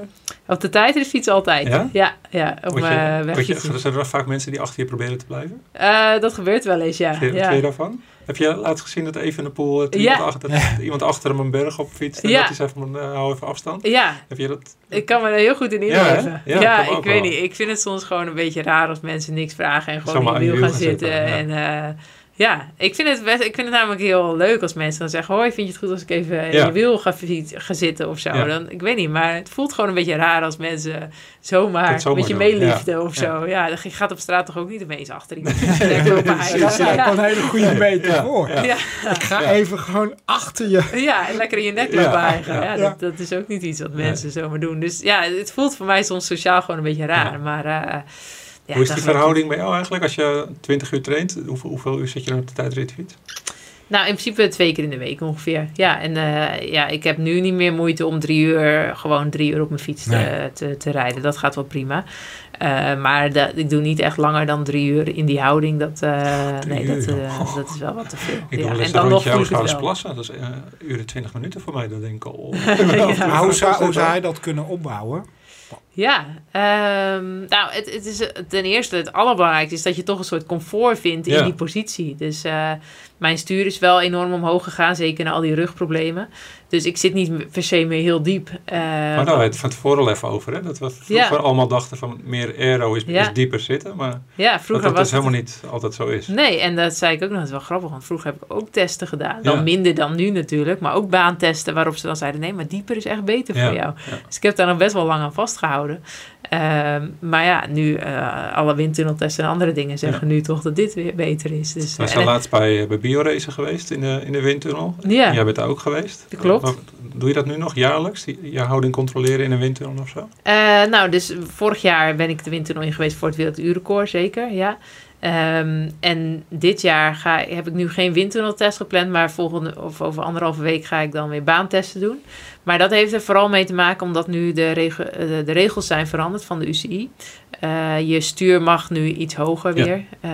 Dus ja, alles wat hoger, hoger is, is mooi meegenomen. Dus dan gaan we kijken of dat, of dat, sneller is of in ieder geval comfortabeler. Want Welke comfort... In Valencia. Ah. Ja, met de ploeg. Dus ehm, ja, maar comfort is, is natuurlijk iets wat niet te onderschatten is. Want je kan wel alleen maar kijken wat het snelste is. Maar je moet het vol kunnen houden. Ja. En zeker als je Ja. maximaal gaat. Dus Ja. ja, ja hoe meer comfort voor je kunt, kunt, voor- kunt vinden, hoe, hoe, hoe, hoe harder je zult gaan eigenlijk. Zeker Ja. fietsers die dus beginnen met tijdrijden. Het Ja. gaat er niet om hoe diep je zit of hoe, hè, hoe Nee, zo min niet. mogelijk spaces je ertussen hoeft te Ja, hebben. het helpt natuurlijk wel. Weet je, als je, als je Nou, dat zit, ligt heb er je, dus minder, heb je vaak minder licht, lichtweerstand. Alleen Ja, op maar het belangrijkste zit, is zit je al vrij diep. Ja, maar het belangrijkste is eigenlijk dat je het, het gat tussen je handen en je hoofd zo klein mogelijk Ja. maakt. Dus dat je, ja, dat is, dat is niet zo'n goede tip voor de podcast. Maar ja, ik, ik probeer heel erg naar beneden te kijken, maar je ziet dus niks meer voor je. Dus in Ja. een training is het is levensgevaarlijk. En in een tijdrit ook. maar dan, eh, Maar dan is het afgesloten. ja, en dan Oh. rijdt er iemand achter Ja. me in de auto en die zegt dan over 200 meter komt er een bocht aan of zo. Oh, dat wil ik Dus, ook. eh, ja, ja. nee, dus zoiets zou je op een tax bijvoorbeeld of op een eh. Zwift of zo goed kunnen trainen. Maar Maar buiten jij is kijkt het- bijna nooit dus, als je in een wedstrijd zit, kijk je eigenlijk altijd naar beneden. Zoveel mogelijk, Ja. ja. En dat is heel moeilijk, want het is ook gewoon... Automatische eh, reactie. ja, je, je wil gewoon Ja. zien waar je naartoe gaat natuurlijk. Dus het is echt soms gewoon uitschakelen en blij naar beneden blijven Ja. kijken. Maar het is ook gewoon doodeng natuurlijk. Dat, eh, ik heb wel eens gehad eh, in een tijdrit dat... eh, dat is wel lang geleden, toen reed ik nog bij Bols Dolmas. En toen reed Danny Stam achter me in de auto. En eh, die zei gewoon voor elke bocht, eh, nou, wat 200 meter tot de bocht of zo. En eh, bij de laatste bocht, ja, ik hoorde niks meer. En ik wist dat het een lange rechtstuk was. Dus ik bleef maar doorrijden. Tot ik opeens keihard een man met een fluitje hoorde blazen. En, en toen opkeek en een oranje vestje zo, zo twee meter voor me zag. Omdat het toch een bocht was naar links. Maar de radio was even uitgevallen. Dus Oh, die zat wel, nou, links, links, links, links. Maar ja, ik hoorde niks meer. Dus ja, dat kan, kan, wel, kan wel gevaarlijk zijn, ja. Hey, we gaan eh, even naar de prijsvraag. En eh, we houden het dicht bij jou. Bij jou en je snelheid. En van jouw sponsor Trek Benelux hebben we echt een hele vette prijs. Het zijn namelijk eh, de schoenen die jij ook draagt. De Bonddrager XXX. Topschoenen. Ongetwijfeld. Ja. En dat zeg je niet omdat je gesponsord Nee, wordt. Nee, helemaal niet. Nee. Waarom zijn ze zo fijn? Eh, ja, ik kan heel hard mee. ja, nee, ja. Hoef je niet meer te trainen. Nee, kan ja, gratis hele fijne. Ze zitten lekker en eh, van die boa-sluitingjes, Ja, weet je wel. Ja, ik heb er gewoon eigenlijk niks over Ja. te klagen. Dus dat is, eh, dat is het belangrijkste. Nou, die kan je dus winnen. Ter waarde van 390 euro. Super gesoigneerd op je fiets. En het moraal van Ellen van Dijk krijg je erbij. Eh, en de vraag... ehm, Ja, je moet er wel wat voor doen, hè? Precies. De vraag is, en eh, ehm, toepasselijk ook bij de prijs, wat is de maat, de schoenmaat van Ellen van Dijk? En dan de schoenmaat qua racefietsschoenen. Ja, en dan heel precies. Want misschien staat het wel echt op internet. Maar ik Nou, Ja, we willen die van de eh, linkervoet en de rechtervoet weten. Precies. Ja. Je bent een open boek, dus heel veel over jou te vinden. Zullen we Dus, gewoon eh, laten optellen bij elkaar? Ja, dat is een goeie. ja, dus de linker en de rechtervoet in race, eh racefietsschoenmaat. Als je die maar bij elkaar optelt, nou, op, op welk cijfer kom je dan? En de groei en de, in je inzending kan je dan sturen naar podcast.fiets.nl. Dus tel de linker en rechter voetmaat van Ellen. Het wordt nu heel ingewikkeld. Ja. Maar goed, hè, het is dan ook wel een hele toffe prijs. En eh, stuur gewoon je inzending naar podcast.fiets.nl. Ik ga zo wel even checken, want ik weet het nu eigenlijk niet eens meer zeker uit mijn hoofd. Dus ik ga Ja. zo even, eh, Ja. even het antwoord eh, hier zoeken. Hey, we gaan. Ik heb jou net een. Of, eh, wij hebben jou een cadeautje gegeven. Hè, omdat je natuurlijk jarig bent volgende week. Eh, en, en dat is een boek over Ayurveda. Ja, heel leuk cadeautje. Ja, en ja, ehm, nogmaals bedankt. kan je eens uitleggen wat dat is? Poeh, dat vind ik wel lastig. Eh, ja, Ayurveda is een eh, Indische levensstijl, denk ik, als ik het goed zeg. Ehm, ja, en die gaat ervan uit dat er verschillende type mensen zijn en dat verschillende type mensen eh, verschillende type voedingsmiddelen nodig hebben. Eh, en dat ook eh, dat afhankelijk is van de, de, de sfeer of de status waarin je je bevindt. Dus dat het niet zo is dat je altijd hetzelfde goed is voor je, maar het ene moment is dit misschien beter voor je, het andere moment is dat misschien beter voor je. Ehm, ja, het is eigenlijk een hele oude Indische, Indische leer. Eh, waar we denk ik nog best veel van kunnen leren. Ja, wat haal jij eruit? Ja, ik vind het dus, ik vind het gewoon, wat ik al eerder zei, heel interessant om, om, eh, om met alles bezig te zijn wat met gezondheid eh, te maken heeft. Dus eh, ja, ik heb, be- ben over Ayurveda gaan leren via een podcast. Ehm, en ja, de Ayurveda podcast is dat. En ja, toen ben ik er gewoon wat meer over gaan leren. En ik haal daar kleine dingetjes uit, zoals s ochtends mijn tong schrapen, soms mijn Dat mond is weer afvalstof, hè? ja, afvalstoffen Ja. weghalen. Ja. Mijn mond soms spoelen met olie, s ochtends. Eh, waardoor mijn eh, tanden minder gevoelig worden. Mijn tandvlees eigenlijk gezonder wordt. En mijn tanden ook nog witter worden vaak. Ja. Dus eh, ja, daar voel ik me goed bij. Ehm, ja, en ook gewoon kleine dingetjes over, over wanneer je welk eten goed verteert. En wanneer je het minder verteert. Het gaat heel erg over hoe je eten verteert. Ehm, En, dat, is voor fietsers, hè, eten verteren, eigenlijk ja, iets, iets super essentieels. Ja, ja, zeker. Ja, dat is eh, enorm essentieel. Maar niet alleen voor fietsers, maar voor alles en iedereen. Maar natuurlijk op de fiets wil je heel snel je Ja. eten verteren. Dus eh, ja, de, de eerste keer dat ik met BMW ging fietsen, kwam hij met zijn boterhammetjes met kaas aan. Je, hij dan uit zijn plastic zakje, uit zijn, uit, zijn, uit zijn zakje haalde. En dan zei ik, eet jij nou? Ja, hoezo? Het voedt tenminste een beetje. Ja, het voedt wel, maar over twee uur ongeveer, weet je wel. Dan zijn we al klaar. Ja, dus je wilt wel snelle, snelle suikers hebben eigenlijk die je daarbij helpen. Ehm, maar ja, en, en ik vind dus de Ayurveda heel interessant, maar ik vind alles van voeding interessant. Dus ik lees nu bijvoorbeeld ook een boek over glucose en wat dat met je doet. Eh, en hoe je je glucosespiegels zo constant mogelijk kan houden. Ehm, en zo haal ik eigenlijk uit alles wat ik dan lees bepaalde dingetjes van, oh, dit vind ik interessant en daar koppel ik dit dan weer aan en dan probeer ik dat en dan kijk ik wat voor mij werkt. Moet je dat dan nog in overleg met je met voedingscoach doen? Ehm, nou, ik heb wel regelmatig contact met onze voedingsdeskundige van de ploeg. Ehm, maar ja, zij is heel erg van, nou, geef aan wanneer je, wanneer je me nodig hebt. Dus als ik echt vragen heb, dan ga ik naar haar toe. Ja. Maar over het algemeen, eh, ja, probeer ik gewoon dingetjes uit. En, eh, en als ik daar dan echt ergens mee, mee vastloop, dan vraag ik dat aan Ja. haar. En ik, ik eh, gebruik, ja, we werken vooral samen als het over echt spe- specifieke voedingsschema's gaat. Bijvoorbeeld voor een tijdrit of zo. Dat soort zaken. Ja, want wij- krijgen heel veel vragen hè, over voeding en Ja. wat zijn nou de do's en don'ts. Wat, wat, hè, jij- jij, zegt zelf net over Benjamin, hè, toen hij begon dat zakje met boterhammen. Ja.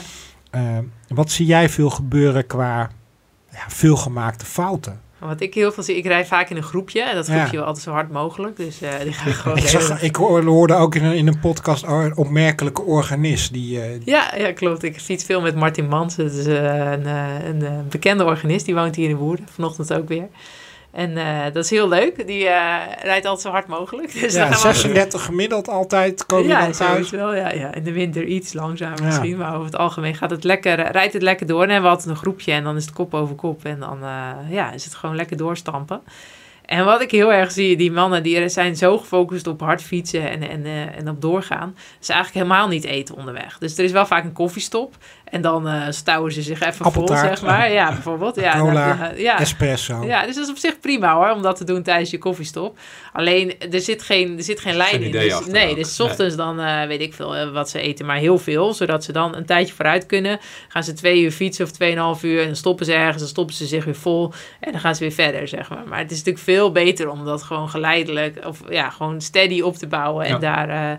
en niet, niet heel veel te eten en dan de hele tijd niks. En dan op het einde zijn ze vaak toch wel opeens leeg of Ja. zo, weet je wel. Dus er zit geen steady toevoer van koolhydraten in. Dus, dus dat zie ik wel heel veel gebeuren om me heen, ja. En heb je dat ook geprobeerd te veranderen bij die man? Nou, ik maak wel eens opmerkingen, maar ja, ze moeten vooral doen wat Ja. ze zelf willen natuurlijk. Maakt mij verder niet uit. Maar, Het is ook eh, wel leuk als zijn we de hongerklop Ja, het is soms ook wel lekker hoor, moet ik zeggen, als het op het eind niet meer zo hard gaat. Dus je kan ze beter ook niet te veel eh, wijs maken. Maar eh, nou ja, dat is wel iets wat, eh, ja, dat is eigenlijk wat ik het meeste zie gebeuren, denk ik. Gewoon niet eten voor heel lange tijd en dan opeens denk ik, oh ja, Mensen niet beginnen vaak pas te eten als ze denken ook beginnen Ja. trek te krijgen. Ja, Of, eh, ja, ja, inderdaad. En Ja, dan, en dan ja. is het te laat. Zeker, zeker. Wat zijn dan vaak van die misverstanden nog eh, met, met voeding en fietsen? Want heel veel mensen denken altijd als je gefietst hebt, dan is die herstel is, is super belangrijk. Dus moet je eh, volstoppen met een hersteldrank, Ja. eh, heel veel zuivel. Ja, zelf eh, probeer ik helemaal geen zuivel te nemen. Ik merk dat ik daardoor eh, gewoon eh, dat ik veel slijm produceer, dat ik er niet zo goed op reageer. Maar dat is wel heel persoonlijk. Hè? Ik heb vroeger ook bakkenkwark binnengewerkt. en, Eiwitten. eh, Ja, eiwitten, dat Ja. doet iedereen altijd. Ja, en ik denk zelf wel dat eh, de eiwitmythe dat die een klein beetje overdreven is. Eiwitten is echt het heilige graal. Ja. En ik denk wel dat je daar een beetje in kan overdrijven. Ik merk zelf dat als ik te veel eiwitten neem, dat ik echt last van krijg. Dat mijn huid slechter wordt. Dat mijn nierfunctie, eh, ja, die heeft gewoon moeite om dat allemaal af te kunnen breken. Eh, ik ben zelf ook vegetarisch, dus ik ben daar ook wel anders mee bezig. Ik eet geen vlees of, of, of dat soort producten, geen kip, dat soort dingen. En er zit natuurlijk heel veel eiwit Ben je in. dan een uitzondering in de ploeg? Eh, nou, we hebben nog een vegetariër, Lizzie Dijkman. Ja. Die is ook vegetarisch, dus dat is heel Ja, fijn. Als je Parijs-Roubaix kan winnen en, je- Ja, en jij precies. met al je, eh, al je eh, WK-titels. Nou, het bewijst wel echt dat het gewoon kan. Anna van der Breggen is vegetariër, ook toen ze, toen ze zo goed fietste. Eh Marlen Reuze bijvoorbeeld, weet ik, is vegetarisch. Er zijn er steeds meer in het peloton. We hebben nu een nieuw ploeggenootje, heb ik nu. eh, Brody Chapman, een Australische, die is vegan. Maar echt al sinds de 17e. Zo, maar dus dat die is een al- uitdaging. Ja, die is al ongeveer 17 jaar vegan. Dus toen zij vegan was, was het echt nog geitenvolle sokken, Ja. denk ik. Eh, nu is het veel meer mainstream natuurlijk. Eh, maar dat, ja, dat is wel nog wat lastiger natuurlijk. Eh, En, en hoe compenseer je dan eh, de, de, de voedingsstoffen die je niet binnenkrijgt? ja, dus nou, ik neem wel vitamine B12 bijvoorbeeld. Dat eh, neem ik wel extra omdat ik dan vegetariër ben. Ehm, en daarnaast eh, denk ik dat ik qua eiwitten al best wel snel... Het zit in heel veel dingen. Hè? Kijk, Ja. als je havermout eet, zit er ook al eiwitten in. En ik neem wel af en toe eiwitpoeders erbij. Eh, gewoon omdat ik dat een, een veilig gevoel vind. Maar ik weet niet eens zeker of het echt nodig is. Dat is dan gewoon voor het gevoel, het Ja, placebo. Super snel zit je aan je dagelijkse. Ja. Ja, je het nodig gaat echt hebt, wel snel. Omdat Ja. je ook gewoon, kijk, als je veel traint, dan eet je ook veel. En er zit in heel veel producten zitten al eiwitten, zelfs in groenten en fruit en andere zaken. Ehm, ja, dus, dus ik denk dat, dat het een beetje overtrokken is. Ik heb ook eh, een eh, vriendin waar ik wel eens mee fiets. eh, dat is Janneke van der Meulen. Dat is een ex-roeister, of ze roeit nog steeds trouwens. Ehm, en die schrijft boeken over vegan eten. Dus ook daar lees ik weer veel over. Ja. Ik vind dat ook heel interessant. Maar dat vind ik toch nog een beetje een stap te ver om helemaal vegan te zijn. Dus dat, eh, ja, dat vind ik nog wat lastig. Maar ja, vind ik ook heel leuk en interessant. Ehm, als je dan kijkt naar jouw wedstrijden en zeker naar de tijdrit.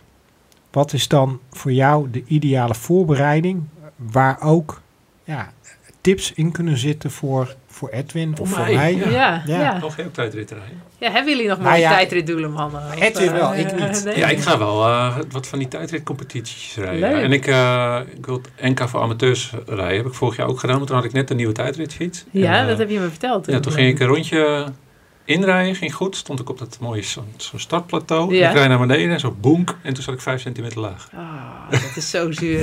Dat is echt, ja, je weet eh, wel, als ik stop, dat heeft ook geen nut voor dat je toeltje zo. Ja, Dus dan wil ik oh. eh, dit jaar revanche nemen. ja, maar dat is zo zuur. Heb je helemaal voorbereid. Ja, sta je helemaal klaar aan de start. en dan gebeurt dit. Ja. Ja. En ik weet nog dat ik... eh, bij Salbommel heb je zo'n eh tijdritcompetitietje van drie wedstrijden. En vorig jaar toen was het vreselijk slecht weer. En dat was op de dag dat jij je werelduurrecord had rijden. Oh ja? En, Ja, eh, oh, dat toen- Toen me. zat ik in de auto met mijn fietsmaatje Ronald. En eh, toen zaten we te luisteren naar eh, hoe, je, hoe goed jij dat aan het doen was. Dat Ja. was echt heel tof. Want wij gingen daarna een tijdrit rijden in de stromende regen. Maar dat gaf mij een soort van... Inspiratie. Het slaat nergens op. Maar mij een soort van inspiratie. Ja, maar dat oh, nu ga ik ook knallen. Ja, dat vind ik wel heel niet tof. hoor, maar het was wel leuk. Ja, maar De dat vind eerste eh, minuut had je dat De idee. eerste minuut dacht ik, Ja, ja. nou dat vind ik wel het mooiste om te horen. Als je anderen kan inspireren, Ja. is dat Ja, fantastisch. dat is geweldig, Dat, is, ja, eh, dat lijkt vind ik het Ja. allermooiste. Nee, dus dat vind ik heel leuk om te horen. En leuk dat je er ook zoveel mee bezig bent. Ja. Eh, ja. Dus, maar zit je lekker op je fiets? Ik zit nu lekker op mijn fiets, ja. Ik heb me goed op de fiets laten zetten. Ja.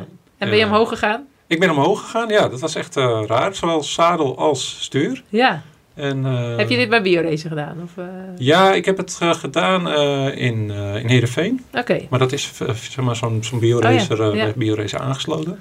En daarna zijn we nog een keertje eh, naar BioRacer in België gegaan. Om, eh, eh, dat heeft Ronald al gedaan in de windtunnel. eh, Ja, te kijken naar de verschillen tussen kleding. Dat was, ik, je weet het wel, maar als je het zeg maar zo voor je ziet gebeuren, dan denk je, oh, dat was al een eye-opener. Hoe ontzettend veel wattage je kan winnen zonder te trainen. Zeg ja, maar. ja, dat is echt Ja. bijzonder. En we hadden een hele stapel helmen meegenomen. En, eh, Ook dat kan heel waaronder die gekke pokhelm, die Ja, Tempor. maar het is dus eh, wel zo dat natuurlijk een helm is heel persoonlijk. Persoonlijk, ja. dat was dus ook heel grappig. Want dat- Ja. dat, ja, De vorm van je... ja, Ja, hoe Ja. je op je fiets zit Ja. en hoe Ja. het bij jou ja. aansluit. Ik ben dan heel groot en eh, ja, ik ben niet voor mijn lengte niet breed, maar vergeleken met een fietser ben ik heel breed. En dat, daar, daar werkt die helm dus heel goed bij. Ja, ja. En eh, als je heel smal bent, dan heb Dan- je veel meer aan een langwerpige helm. Of, Ja, ja, Ja. of een kortere. Of Ja. dat is zo, zo ja, dat persoonlijk. Je, om te zien. je kan niet zeggen, dit is een goede tijd, dit helm. Of Nee. deze moet je hebben. Dat is gewoon echt Ja. iets wat voor iedereen totaal anders is. Ja. Ja. Ja. dus dat is wel interessant. En wat ik altijd wel leuk vind aan al die windtunneltesten of materiaal... is dat, dat soms dan hoor je van... ja, maar deze wielen zijn echt 10 watt sneller. Ja. Ja. en deze crank is wel 15 watt sneller. En deze helm is nog eens 10 watt sneller. En dit pak is twi- 25 Continu de watt marginal sneller. gains. Op een gegeven moment denk Moet je, je van, nou, ik, 75 ik, ik, ik, ik ga- gratis gaat het allemaal. Ja. ik ben helemaal niet meer te trappen. Ja. En ik rij al... Ja. rij al nee, maar dus dat, ergens klopt er iets niet, denk Nee. ik dan altijd. Want als je al die, al die wattage bij elkaar optelt, ja, dan rij je min 300 Ja. watt op een Ja. gegeven moment Ja. of zo. Weet je wel, nou, het zou wel lekker zijn, maar ja, zo'n feest is het ook weer niet. Maar eh, nee, natuurlijk scheelt het allemaal heel erg. En, en kleding ook. En is ook weer persoonlijk. Van wat, wat werkt voor jou? Sommige vinden, voor sommigen werken lange mouwen beter, voor Ja. sommigen korte mouwen. Ja. Ja. ja, dus er zit heel veel verschil in. Ja, poeh, tips, jeetje. Ja, maar als je begint met tijdrijden, hè, dat is, hè, er zijn, worden best wel wat wedstrijdjes georganiseerd. Ja, Ja. En Nou, eh, bijvoorbeeld heel leuk bij ons in de regio is nu ook, daar beginnen ze nu ook met een laagdrempelige tijdrit ja, competitie. ja. Eh, voor fietsen, eh, voor tijdritfietsen, maar ook gewoon voor racefietsen met het stuurtje. Wel Ja, een tuurlijk, aparte ja. categorie. Ja, ja. nee, dat is hartstikke goed. En ik denk dat dat ook een hele goede tip is. Ga het gewoon doen. Want ja, ja vroeger... eh, ik zat dan bij de schaatsclub en mijn, eh, mijn trainer Barend Verhagen, die helaas eh, Ja. twee jaar geleden is overleden, eh vervent wielrenner, die organiseerde voor ons gewoon elke donderdagavond een tijdritje van 10 kilometer. En soms werd het 20 en hadden we hier zo'n rondje. En dan werd er gewoon iemand stond de tijden op te nemen. En gewoon elke donderdagavond, ga maar doen. Ja. En er waren dagen dat het heel goed ging. En er waren dagen dat ik ook echt was gestopt ben. Omdat het zo slecht voelde. Maar gewoon door het continu te doen. En door te ervaren dat je moet afzien. Dat je er doorheen moet. Hoe dat is. Ja, alleen daardoor gaat het al beter, denk ik. Dat je voelt hoe je moet starten. Hoe dat gevoel is als je hard bent gestart. Dat je het even moet verwerken. eh, hoe het voelt op het laatst. En natuurlijk de ene dag heb je goede benen. En de andere dag heb je slechte benen. Dus het is niet allemaal te vergelijken. Voorbereiding, dat is eh, vorig jaar reed ik er eentje in uh, Stavoren. Toen waaide het echt snoeihard. En toen zaten we aan de koffie en op een gegeven moment ik denk oh, ik moet bijna starten. Joh. Gewoon echt helemaal niet goed op de tijd gelet. Nee, ja. Ik geloof drie minuten ingefietst. Echt? Ja. ja. Dan kan je net zo goed niet starten. Ja, dus nee, ik reed ja, naar die dijk op en ik gaf drie keer gas. En toen, nou, tot in Ja, de goed, oren joh. rijden is Ja. wel... Ja. Nou, is wel het is- het is Hoe lang rijd jij warm voor een tijdrit? Eh 25 tot 30 minuten ongeveer. Ja. En vaak rijd ik 's ochtends ook een uurtje of anderhalf of zo. Het ligt eraan hoe laat die tijdrit is op een dag. Maar het is wel, denk ik, heel fijn, vind ik persoonlijk, en heel belangrijk om een vast protocol te hebben voor de start van een tijdrit. Ja. Dus ja, de, zeg maar, tot ik een tijdrit heb, staat alles op die dag staat uitgetekend en, en, en vastgesteld. En dat gaat misschien een beetje ver om dat voor iedereen te doen. Maar het is wel heel belangrijk dat je weet wanneer je laatste maaltijd is. Wanneer je dus je laatste koffie neemt. Hoeveel wanneer uur is dat dan eh, van tevoren? eh 3,5 tot 4 uur. Meestal 3,5 uur ongeveer. En dan tussendoor nog een keer een kleine snack van een Ja. banaan en wat doorslesser, dat soort dingen. Maar dan wel licht verteerbaar. Dus het moet niet, eh, moet niet te zwaar zijn. En een jelletje bijvoorbeeld. En Maar- waarom rijden doe jij dan op de... Ja, op de, de. Ja, op de Handtrainer, roller. Ja, ja. op de, op de Wahoo. En dan ehm, heb ik altijd ook een, daarin een vast programma. Dus een half uur van, ik weet, vijf minuten dit wattage. eh negen minuten een stijgeroeng eigenlijk, zeg maar. En in een warming-up is het altijd belangrijk dat je eigenlijk al je energiesysteem even aanspreekt. Dus dat betekent dat je eigenlijk al je zones even doorloopt. En je, je zone, dus ook de zone waarin je dus je, je tijd dit wil gaan Ja. rijden, het wattage of de hartslag waarop je dat wil gaan doen. Maar ook nog even daarboven. En dan even kort 30 seconden en even 30 seconden herstel of zo. Maar even alles eh, even aan, aanprikken eigenlijk.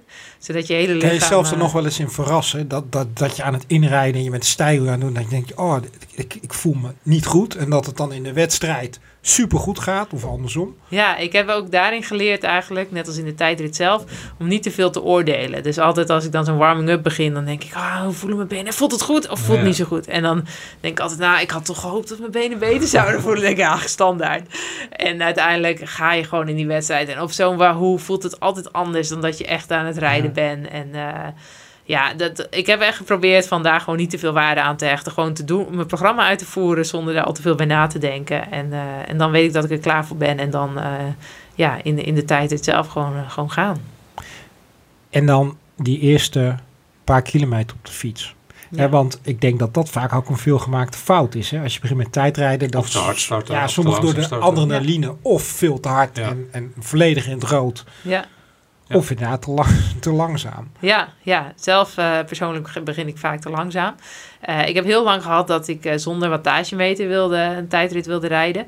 Omdat ik ja, dus ook over mijn wattages ga oordelen op een gegeven moment. Dus ik denk, oh, dit is veel te lang. Ik denk eigenlijk altijd negatief als ik aan het afzien ben. Dus ik denk, oh, dit gaat niet hard genoeg, het gaat niet goed genoeg. En stel dat het wel goed zou gaan, dan, ja, wat, dan krijg ik er ook geen moraal van. Want dan denk ik niet van, wow, ik heb echt een topdag. Dan denk ik alleen, is dat ding kapot of zo. Weet je? Ja, ja, dus, eh, nee, ja, voor mij werkte het niet. En toen heb ik een tijd gewoon eh, alles op gevoel gedaan. Dat ging best oké.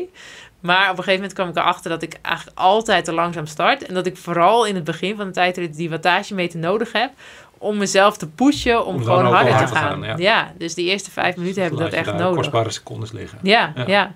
dus dat heb ik wel geleerd. En dat, eh, en dat helpt me wel goed. Dat je weet van, ja, ik moet in ieder geval minimaal dit gaan trappen. Ja. Want anders dan begin ik gewoon te langzaam. En kijk je dan ook eh, naar het parcours? Zeg maar hoe je je race indeelt? Ja, zeker. Dus bijvoorbeeld op de WK in Australië was het natuurlijk continu op en neer, Ja. links, rechts. Ehm, en dan ga ik echt, dan eh, weet ik op van elke meter op parcours bijna hoeveel wattage Ja. ik er moet trappen. En dat betekent niet dat ik in de tijdrit naar mijn wattagemeter kijk of ik dat ook echt trap. Maar dan weet ik gewoon in mijn hoofd van, oh ja, hier moet ik net even wat extra Ja. kracht zetten, hier moet ik net wat minder. Ehm, ja, en dat was echt in, in die tijdritten op het WK was dat eh, enorme verschillen. Dus dat, dat ja, sommige had je gewoon afdalingen waarin je bijna niet kon trappen. Ehm, en andere stukken waarin je echt ver boven je omslagpunt Ja. moest. Dus dat, dat was wel eh, heel nauwkeurig allemaal eh, minutieus Dat uitgerekend. is ook het leuke van de tijdrijden. Hè? Wij hebben daar in de auto naar die ritjes toe ook altijd discussies over. Van, ja, Ja. Hoe gaan we dat dan doen? En, je, met wind tegen kan je eigenlijk veel meer tijd winnen dan met wind Ja. mee. Dus ja, moet je Ja. dan met wind mee juist misschien gebruiken om een beetje te herstellen. Ook al Ja. ja. herstellen in een tijdrit klinkt ook gek. Maar ja, dat Nou, maakt je misschien wel weer goed met Het zijn, het zijn kleine nuanceverschillen, maar met wind tegen moet je wel net even wat meer Ja. kracht zetten dan met wind mee. Want dat, daar maak je het verschil Ja. mee. Ja. Maar Ja. niet te veel. Dus eh, Nee. ja, wel net even Ja. dat je denkt, oh, dit is echt niet lekker. Wat vind je de fijnste tijd, zeg maar, voor een tijdrit? Ja, een, een uur zal je nu waarschijnlijk zeggen. Ja. nee, dat was niet fijn. Oh, dat was verschrikkelijk. Ja, Nee. liever korte tijdritten of liever... Eh, eh, nee, wel langere tijdritten merk ik dat ik dan beter tot mijn recht kom. Dus bijvoorbeeld de WK-tijdrit nu was 5, 36 kilometer. Volgens mij Ja. wel bijna 45 minuten of zo. Ik denk dat dat wel, eh, dat dat wel prettig is. En ook, Dus dat, rond die drie kwartier. ja, ik denk dat ik dat wel lekker vind. Want eh, ja, als ik dan denk aan dat uur... Dan waren die laatste 10 minuten echt de hel. Dus doe dan maar drie kwartier. Ja, ja, ja. ja, het is altijd de laatste 10 minuten van de tijd zijn altijd de hel. Maar ja, ik denk eh, als ik mag kiezen, doe, doe dan maar drie kwartier. Ja. Dus 24 juli, Parijs. Ja. Ideaal rond de 34, 35 kilometer. Ja, het parcours is nog niet bekend. Nee. Dus ik zit daar nog eh, heel erg op te wachten. Maar dat is een, eh, een heel groot doel voor mij nog. Ja, ik, heb, ik kon niet naar Tokio helaas, eh, afgelopen Olympische Spelen. Dus ja, dat, eh, dat staat nog open op mijn, eh, op mijn dromenlijstje. Ja. Ben je daar nu dan al mee bezig? Ja, op zich wel, maar niet dat ik nu elke dag ermee Nee. opsta en mee naar bed ga. nee, maar in mijn achterhoofd wel. Ja, dat Ja. is wel een van, mijn, van de mooiste doelen die ik nog, eh, die ik nog heb. En ehm, ja, en, en ook, nou ja, nu ga ik dan weer aan mijn tijdritpositie werken natuurlijk. Nou, allemaal ook wel weer, ook gewoon voor dit seizoen. Maar ja, ik moet daar wel natuurlijk om mijn aller, allerbeste aan de start staan. Ga je de cross kijken eh, dit weekend? Zeker, ja, ik vind het hartstikke leuk om te Ja. kijen. Mijn ploeggenootjes doen mee. Ja, Shirin onder Shirin andere. onder 23, Lucinda bij de Ja. elites. En eh, ja, ik vind dat super mooi om te zien. En ze waren ook, we waren ook met hen op trainingskamp. Dus je leeft een beetje mee met het proces wat ze doormaken. En eh, ja, ik vind dat heel erg... Coach je dan ook zo'n Shirin?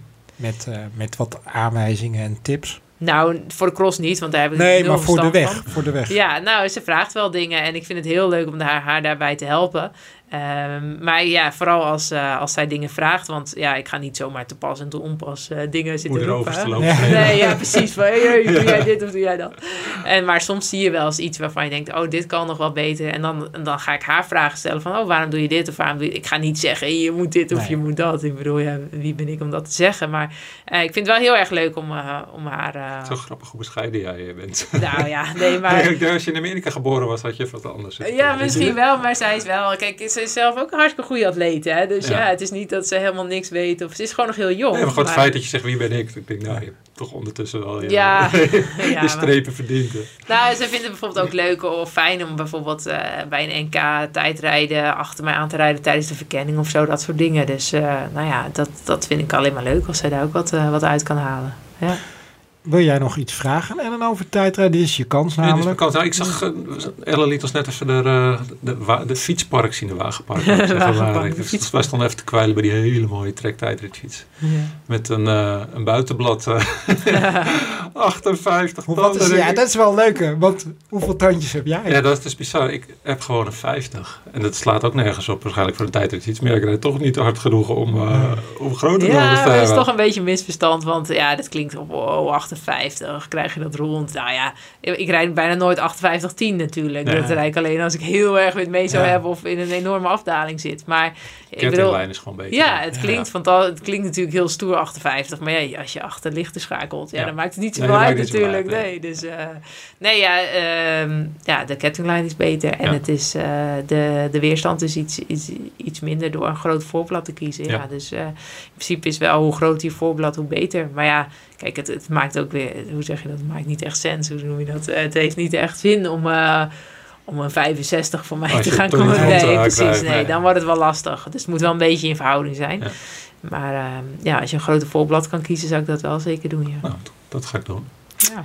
Gaan we hem afronden. Ja, ga ik Ellen, even ehm, shoppen voor een tandwiel. ja. wil jij nog iets eh, kwijt? nee, ik vind het eh, heel leuk om bij jullie te gast te zijn. Het was heel gezellig. En eh, ja, Ja, leuke wederzijds. Ja, heel Wij, leuk. wij Dat is vonden, het, superleuk. wij vonden Ja. het geweldig om hier te zijn. Ja, de tijd vliegt. Ik zet het er weer naar de Ja, ding te kijken. ja, ja. Het gewoon weer vijf kwartier. Ik Ja, dat gaat zo, Ik, wil Ja. nog wel even een foto straks maken voor mijn kinderen van, van, van je regenboogshirt. Ja, dat mag zeker. dat mag zeker. Want dat heb ik ze beloofd. Oh ja, en die schoenen natuurlijk even. hè? Oh ja, die Ja. gaan we even checken. Zeker. Ja, Ehm Dank je wel.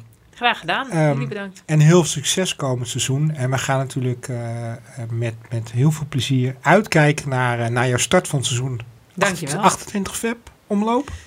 Oh ja, als het goed is wel. Nou, ik moet eerlijk zeggen dat ik de datum niet uit mijn hoofd. Ja. Maar laatste weekend februari, ja. nou ja, dan begint eigenlijk de lente een beetje. Als de, omloop. Ja. Ja. als de omloop begint. ja. Eh, dank voor het luisteren. Dit was aflevering 39 met onze columnist en meervoudig wereldkampioen Elle van Dijk. Abonneer je op Fiets de Podcast via je favoriete podcast app en laat een fijne review achter. Heb je vragen of opmerkingen, mail ze dan naar podcast.fiets.nl. Tot de volgende en blijf fietsen. Leuk. Applaus.